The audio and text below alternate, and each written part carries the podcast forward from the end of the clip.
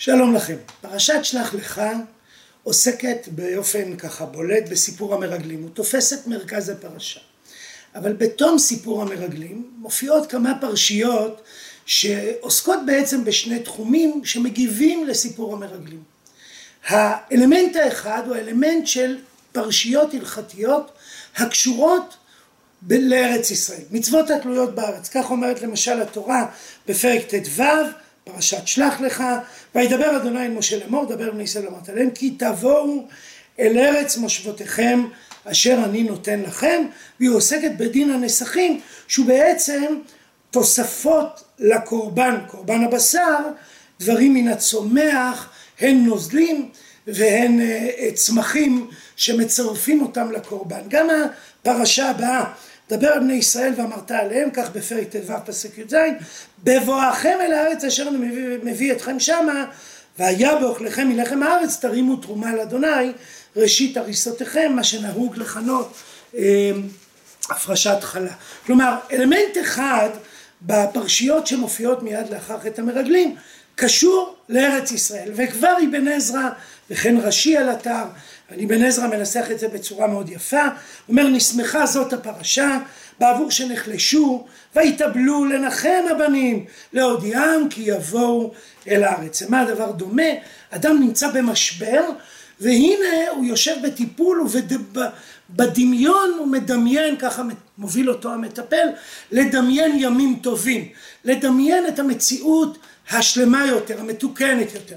הם נמצאים בתוך גזירה שהם לא ייכנסו לארץ ורק צאצאיהם, אז אולי זה נגמר, אולי בסופו של דבר זה לא יקרה. בא הקדוש ברוך הוא ואומר, בואו נדבר על ארץ ישראל. בואו נדבר מה תעשו כשתהיו בארץ. אוי, כשתהיו בארץ יהיו מצוות מיוחדות, נסכים, הפרשת חלה וכן על זה הדרך. האלמנט השני, המאפיין השני של הפרשיות המופיעות כאן, קשור למצוות חיובים והפרתם. כך אומר אבן עזרא והוא צריך להזכיר משפט מנחות כל עולה וזבח. ובסוף והנפש אשר תעשה ביד רמה משום שהפרשייה מיד אחרי הפרשת חלה עוסקת בחטא בשגגה ובמזיד של ציבור ויחיד מדברת על העונש שיוטל במקרים השונים ואומר אבן עזרא רמז למעשיהם והזכיר דבר המקושש כי עשה ביד רמה. וכן פרשת הציצית, כך אומר אבן עזרא, קשורה אף היא לחובת קיום המצוות, כי הנה יש בגד צריך ללבוש, הוא יזכיר לנו לקיים את המצוות. כלומר, הרכיב השני הוא הרכיב של, רכיב של הציות אה, והאיסור להפר את צווי השם, וכמובן שהקישור לחטא המרגלים פתאום מאוד ניכר. בעצם הפרשיות שמופיעות אחרי חטא המרגלים הם פוסט טראומה, הם תגובה לסיפור המרגלים עצמו, והם עוסקים בשני עקרונות. יהיו חיים בארץ ישראל, עוד נשוב להגיע לארץ ישראל ונקיים בה חיי קודש, וצריך מאוד להיזהר לא לחטוא כפי שעשו המרגלים, משום שהחטא הזה פוגם בברית שבין הקדוש ברוך הוא לעם ישראל. אחרי שפרסנו את התמונה הרחבה, בואו ניכנס לסיפור המקושש, שהוא יהיה עיקר לימודנו היום. והיו בני ישראל במדבר, וימצאו איש מקושש עצים ביום השבת, והקריבו אותו המוצאים אותו מקושש עצים אל משה ואל אהרון ואל כל העדה, והניחו אותו במשבר כי לא פורש, ואז הקדוש ברוך הוא מגיב, מות יומת האיש, רגום אותו באבנים, כל העדה מחוץ למחנה, והוציאו אותו כל העדה אל מחוץ למחנה, והרגמו אותו באבנים. סיפור מאוד חריף ומאוד מאוד אה, נוקב של אדם שחטא ונענש במיתה. הסיפור הזה, כמו שאבן עזרא רמז, משתלב נהדר בתמונה כי עשה ביד רמה. הביטוי הזה עשה ביד רמה הוא ציטוט של קטע קודם מן הפרשה שלנו שמתאר מציאות והנפש אשר תעשה ביד רמה כך בפסוק ל' מן האזרח ומן הגר את אדוני הוא מגדף ונכרתה הנפש ההיא מקרב עמה כי דבר אדוני בזה ואת מצוותיו קראתי כרת הנפש ההיא עוונה בה כלומר אבן עזרא קשר בין שתי הפרשות והפך את פרשת המקושש לדוגמה לפרשה הקודמת שהייתה עקרונית ודיברה על איסור לחטוא ועל עונשם של חוטאים המפרים ביד רמה את צו השם. התמונה הזו היא בהחלט אפשרית הווה נבחן אותה קצת יותר לעומק ולשם כך רגע נחדד את הפרטים שבסיפור. מוצאים פה איש מקושש. המילה מקושש, המונח מקושש, הוא נשמע אמירה, כך אומרים פרשנים רבים, שקשורה לאיסוף מן התלוש. למשל, אנחנו מכירים את הסיפור על אליהו והאישה האלמנה מצרפת אשר לצידון, ושם היא אומרת שבעצם היא לא יכולה לתת לו מזון כי היא עומדת למות וזאת הסעודה האחרונה שלה, והיא אומרת והנה שם, הכתוב אומר והנה שם אישה אלמנה מקוששת עצים, והיא אומרת והנני מקוששת שניים עצים ובאתי ועשיתי לי ולבני. היא בעצם אוספת אה, ענפים ככל הנראה הזרוקים על האדמה והיא צריכה רק שניים כדי לעשות מדורה כי אין לה מה לאכול. המילה לקושש מופיעה גם בסיפור שעבוד מצרים. והכתוב שם אומר כן לא תוספון תבן לעם ללבון הלבנים כתמול שישום המה ילכו וקוששו להם תבן. ויפץ העם בכל ארץ מצרים לקושש קש ותבן. קש הוא דבר תלוש שאף ברוח כך בפסוקים רבים בתנ"ך ונראה שהמילה לקושש היא בעצם פועל שנובע נולד מן המילה קש ופירושו לאסוף דברים התלושים בקרקע. נראה שהאיש זה מה שהוא עושה ביום השבת ומכיוון שלא יודעים מה לעשות איתו הרי שמביאים אותו אל משה ומשה פונה אל הקדוש ברוך הוא הקדוש ברוך הוא אומר מה יעשה לאיש הזה. כל הפרשנים הקלאסיים רש"י אבן עזרא רשב"ם שואלים את השאלה מה השאלה מה הדיון הרי אנחנו יודעים שמי שמחלל שבת מות יומת. אז מדוע צריך לשים אותו במשמר מעין מעצר כי לא פורש מה יעשה לו. למה הקדוש ברוך הוא צריך להתגלות במפורש? ולומר הרי זה ידוע? וכל הפרשנים אומרים שלא ידוע איך הוא יומת. כך רש"י למשל לא היו יודעים באיזה מיטה ימות אבל היו יודעים שהמחלל שבת במיטה כלומר השאלה הייתה איך לקיים את מיתתו והחידוש של הפרשה הוא האמירה שרוגמים אותו באבנים. אבל לאור ההצעה שלנו שמקושש הוא אדם שאוסף דברים תלושים אולי יש פה שאלה ממשית על מה שהמקושש עושה. אולי הם לא מבינים האם זה חטא האם זה נקרא חילול שבת. הרי אין פה אה, פעולה חקלאית. זה לא זריעה או קציר שהוא מן התלוש והוא מעשה חקלאי. אז האם זה נקרא כל מלאכה האם מלאכה היא רק מלאכת חקלאות וכאן זה מותר או לחילופין האם המקושש איסורו הוא כי זה חלק מהבערה? הרי התורה אמרה שאסור להבעיר אש. כך אומרת התורה בספר שמות לקושש עצים זה להכין מדורה כפי שעשה, עשתה אישה אלמנה בסיפור. אז אולי יש על זה שאלה?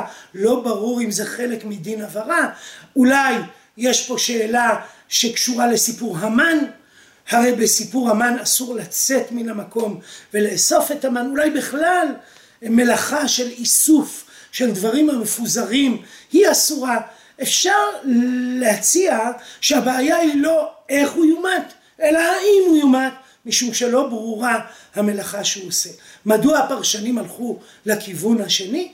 כי הפרשנים רואים בסיפור שלנו מימוש של החוטא ביד רמה. כלומר, הפרשנים רואים במקושש אדם שבאופן מכוון וביד רמה יוצא כנגד דבר השם וממילא חייבים להניח שמה שהוא עושה ברור שהוא חטא. יתרה מזו אני אומר בהערת סוגריים שלפי חז"ל וכך רש"י על אתר גם יתרו בו וזה לא עזר. אבל האם זה לשון הכתוב?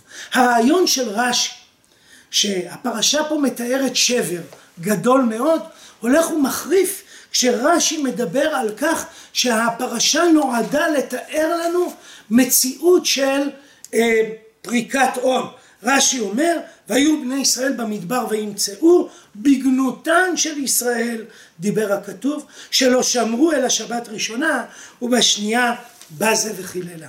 כלומר רש"י מרחיב את המעגל בעקבות מדרשי חז"ל שהחטא הוא לא רק של המקושש אלא בעצם כל עם ישראל חטא בסיפור. בואו רגע נקרא את הסיפור עצמו כי כמדומני שעיון בפשט של הסיפור יהפוך את הקערה על פיה. זה נראה שיש פה אדם שחוטא, אבל רק אדם אחד שחוטא. הכתוב אומר והיו בני ישראל במדבר וימצאו איש מקושש עצים ביום, ביום השבת. המילה אותו חוזרת פעמים רבות בקטע. היא אומרת והקריבו אותו המוצאים אותו והניחו אותו והכתוב אומר רגום אותו והוציאו אותו כל העדה אל מחוץ למחנה וירגמו אותו זה נשמע הפוך. זה נשמע שיש פה איש אחד שחטא והסיפור מתאר את היחס אליו. אבל המוקד של הסיפור הוא דווקא המעשה החיובי של עם ישראל. המוקד של הסיפור הוא לא החוטא, אלא עם ישראל. הבה נקשיב לסיפור. ויהיו בני ישראל במדבר. הפתיחה עוסקת באדם, שלא כמו בסיפור המקלל, ששם בויקרא פרק כ"ד הסיפור הוא על המקלל, ויצא איש, הסיפור מתאר אותו ואת פעולתו, כאן הזווית של הסיפור, הפריזמה של הסיפור היא עם ישראל. המצלמה לא מתמקדת בשוט הראשון, בתמונה הראשונה, היא לא מתמקדת בחוטא, אלא במוצאים. עם ישראל נמצא במדבר, וימצאו איש מקושש עצים ביום השבת. ומה הם עושים? ויקריבו אותו, המוצאים אותו, מקושש עצים אל משה ואל אהרון. בדיוק להפך. אני חושב שהתורה יוצרת ניגוד בין החוטא לבין הציבור. הציבור דווקא מכוון, הציבור מקושר, הוא אה, מסתכל על הדברים בעין ביקורתית, הוא בוחן את המקושש ומסתכל עליו בעין שיפוטית, הוא מדבר פה, הוא מתנהל פה כמי שמתרחק מן המעשה של המקושש. והתורה בכוונה מכניסה את העם כדמות חיובית בסיפור. היו בני ישראל במדבר. לכאורה פלא פלואים, מה, הם לא במדבר, הכתוב רוצה לפתוח את התמונה. עם ישראל נמצא במדבר, מוצא איש מקושש עצים, מקריב אותו אל משה ומנהל את כל הסיפור. ואומר הכתוב, והקריבו אותו המוצאים אותו. וממשיך הכתוב, הניחו אותו במשמר. ממשיך הכתוב ואמר, רגום אותו באבנים, כל העדה מחוץ למחנה. בסיפור המקלל, מי שרוגם את המקלל זה השומעים, זה בעצם העדים, אלה שראו את המעשה עצמו, ואילו כאן התמונה היא ציבורית. גם שם, בסופו של דבר, בפרשת המקלל, התורה רואה בזה מעשה כלל ישראלי, ונוקטת במשפט האחרון שם בלשון כללית על כל בני ישראל. אבל בפרשה שלנו זה המוטיב המרכזי של הסיפור, זאת הזווית המרכזית של הסיפור. עם ישראל דוחה את המקושש, אינו מעוניין בפעולה של חטא, מתרחק ממנה, מסתייג ממנה.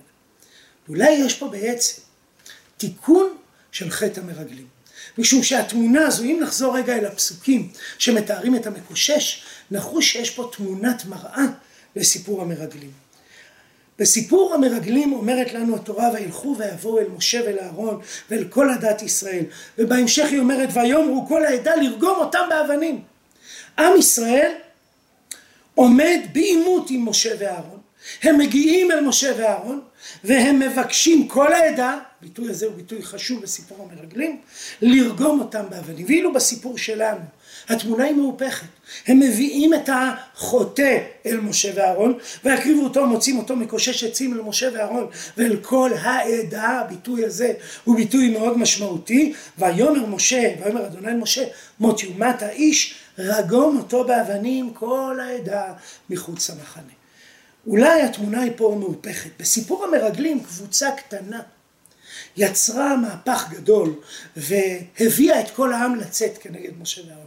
ההגעה של העם אל משה ואל אהרון הייתה הגעה לוחמנית, הייתה הגעה של פגיעה במשה ואהרון. הם ביקשו לרגום, לרגום את מי? את משה ואהרון.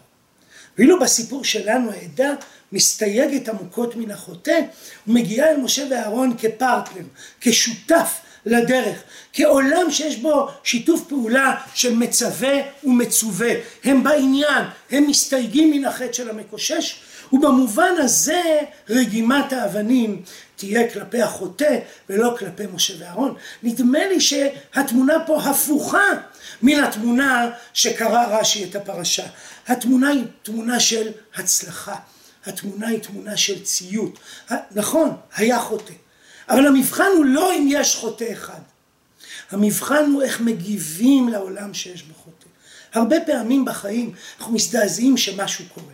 אבל התורה אולי מלמדת אותנו שהמבחן הוא לא אם תופעה מסוימת קורית, אלא מה היחס של החברה אל התופעה, כיצד היא מגיבה, האם היא מצטרפת אל התופעה, האם היא מקבלת את התופעה או תומכת בה. במובן הזה אי אפשר ליצור חברה מושלמת, אי אפשר ליצור חברה שאין בה ולו חוטא אחד. הדברים נכונים אגב גם כלפי האדם עצמו, אין אדם בארץ אשר לא יחטא. התמונה היא לא תמונה של שלמות, אין צדיק בארץ אשר לא יחטא. השאלה איך מגיבים אל החטא, האם מתמודדים איתו, האם מתקנים לכאורה, או לעיתים גם מענישים כפי הצורך.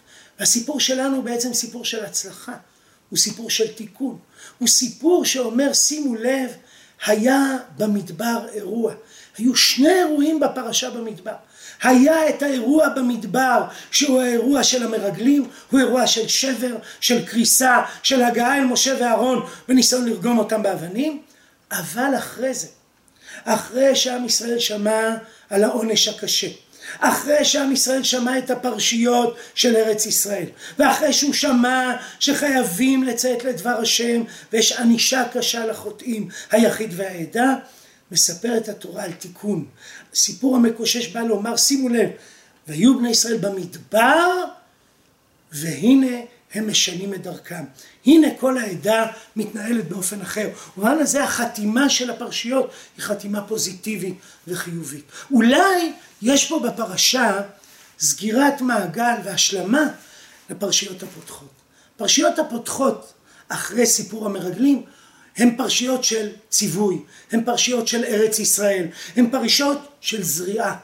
הן מדברות על זה שיהיו נסכים, אנחנו, יהיה לנו תבואה, ונביא ממנה לקדוש ברוך הוא. הן מדברות על זה שיהיה לנו, כן, יהיה לנו אה, הריסותיכם חלה תרימו תרומה, כתרומת גורן כן תרימו. יהיה לנו תבואה וממנה נפריש להשם. והנה במדבר, לא בארץ ישראל, כאן, עכשיו, לא לעתיד לבוא, לא בבואכם. אנחנו עומדים בסיפור מקושש, שאוסף מה יש במדבר. במדבר אין, זה לא ארץ זרועה, זה לא התמונה של תבואה, יש עצים מונחים, אה, יש ענפים שבורים, הוא מקושש אותם, והחברה אומרת לא. אנחנו מבקשים להיצמד לדבר השם ולקיים את דברו. אני חושב שבקריאה הזו, פרשת המקושש היא בעצם פרשה של תיקון גדול, ואולי הדברים יושבים יפה על המבנה הקונצרני המתמרכז, מה שאוהבים אולי לקרוא מבנה מנורה, של הסיפור. הפרשה, פרשת המקושש מתחילה באירוע, מספרת לנו מה קורה, ואחרי זה היא מתארת את דבר השם. ודבר השם בנוי ממבנה מתמרכז, מבנה שהצלע האחרונה והראשונה מקבילות, השנייה והשנייה מן הסוף מקבילות, וכן על זה הדרך. כשהייתי ילד קראו לזה כתב הדבש. היו מחליפים את האלף בתף, את הבית בשין, וכך יוצרים כתב סתרים, שאם היית מבין שכל דבר סוגר מעגל, יכולת לפענח אותו. והכתוב אומר כך, ויאמר אדוני אל משה, פותח באמירה, הוא מסיים באמירה כאשר ציווה אדוני את משה. והדיבור השני הוא דיבור הענישה, מות יומת האיש. ורגע, המשפט הלפני האחרון, וימות. המשפט השלישי הפותח הוא רגום אותו באבנים. הבה נקרא ברצף, ויאמר אדוני אל משה, מות יומת האיש רגום אותו באבנים. וכך מסיים את הפרשה, וירגמו אותו באבנים וימות, כאשר ציווה אדוני את משה. הפרשה מדברת על ההוצאה. הצלע הרביעית היא, רגום אותו באבנים, כל העדה מחוץ למחנה. והצלע הרביעית מן הסוף, כל העדה אל מחוץ למחנה. כמעט מילה במילה. מרכז הפרשה, ויוציאו אותו. ובמובן הזה המוקד אינו המקושש, אלא התגובה אל המקושש. פעולת ההוצאה. האמירה האיש הזה הוא לא מאיתנו, הוא uh, עשה מעשה ששובר כבר בצורה כל כך עמוקה את המסגרת, שמסכן כל כך את עם ישראל, שאנחנו מתבקשים להוציאו ואחרי זה להעניש אותו כראוי. נדמה לי שהתמונה הזו היא תמונה של תיקון גדול, והפרשה הזו באה לסמן uh, נקודת אור בתוך רצף של משברים שמתרחש בסיפורי הנדודים של ספר במדבר. בשיעור שלנו היום נעשה צעד נוסף ונעבור מן הפשט אל המדרש. ננסה לראות רגע כיצד אמירה מדרשית שנראית אמירה מאוד ספציפית ומצומצמת חושפת בתוכה אמירה רחבה יותר. הגמרא מספרת לנו מיהו האיש המקושש, הרי בפרשה שלנו מכנים אותו איש מקושש ותו לא, כך קוראים לו, ומשתמשים במילה אותו, אבל אין, שמו אינו ניכר, ויש דוגמאות רבות בתנ"ך ששמם אינה נודע, לא נודע לנו, כמו למשל שני המרגלים ששלח יהושע, או לחילופין למשל, האיש שגילה ליוסף היכן אחיו, וכן על זה הדרך, יש במקרא דמויות אנונימיות לרוב, מורי ורבי פרופסור אל סימון כתב מאמר על הדמויות המשניות במקרא ובמובן מסוים חוסר שמם נועד לכוונן אותנו פעמים רבות אל הדמות המרכזית, אל דמות חשובה יותר שהיא בעצם הדמות המרכזית בסיפור.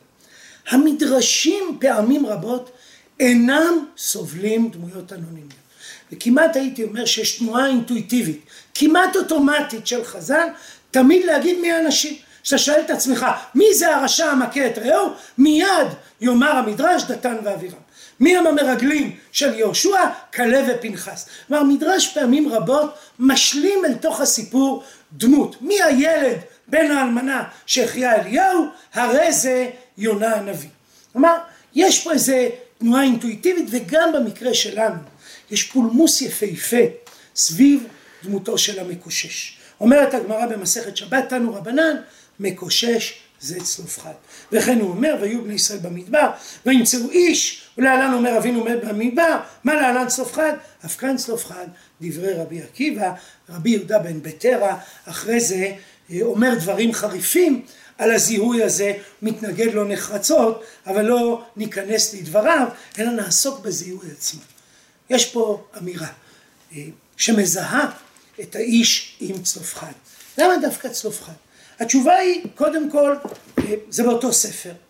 ויש משפט לגבי צלופחד שמעורר איזשהו עניין דווקאי. עכשיו בניו של צלופחד באות הן אומרות ואבינו מת במדבר הוא לא היה בתוך העדה הנועדים על אדוני בעדת כוח כי בחטאו מת המשפט הזה יוצר תחושה ודאי בשפה המדרשית שיש איזה חטא ידוע חטא מכוון מוכר מאוד, איזה חטא של אדם ספציפי מוכר לנו במרחב של התורה, במרחב של ספר במדבר, הרי זה המקושש, ומכאן שהן מתכוונות לומר שהוא חטא חטא קטן, ספציפי, ולא השתתף בחטא בעדת קורח, והרי זה צלופחד. אולי גם זה קשור לז'אנר, ארבעה סיפורים שבהם שואלים שאלה את משה, הנה מקושש, הנה בנות צלופחד, גם כן, ומדברות על האבא. אולי יש פה אמירה מעין זו. אבל מה המשמעות של הזיהוי? אני חושב שאם מזהים את המקושש כצלופחד, נוצרת אמירה מאוד חזקה של חז"ל. המקושש ימות במדבר, אבל שמו יינשא אל הארץ. תהיה לו נחלה, אבל הרי הוא מת, וגם אין לו בנים, חכו. בונותיו יגיעו אל משה וישוחחו ידברו איתו ויבקשו ממנו ותהיה נחלת בנות צלופחד בארץ ישראל. הכתוב אומר הם, למה ייגרע שם אבינו מתוך משפחתו והתשובה לא ייגרע ונדמה לי שיש פה מגמת הפשט הולכת ומתעצמת. כלומר באים חז"ל ואומרים לא רק שבבואכם אל הארץ יהיה הפרשת חלל לא רק הנה אתם באים אל הארץ אז יהיה נסכים גם מי שמת במדבר גם הוא יגיע אל הארץ, לא פיזית, הרי הוא יומת, שמו יינשא גם בארץ. תהיה נחלה בארץ ישראל על שמו של אותו מקושש. נדמה לי שחז"ל לקחו את היחידה כולה והטיחו זה בזה את הפרשיות ויצרו תמונה שגם אם צלופחד נפטר, הרי ששמו יעלה אל הארץ דרך בנותיו. פרשתנו היא בעצם פרשה של אזהרה, אבל פרשה של התקווה שאחרי השבר.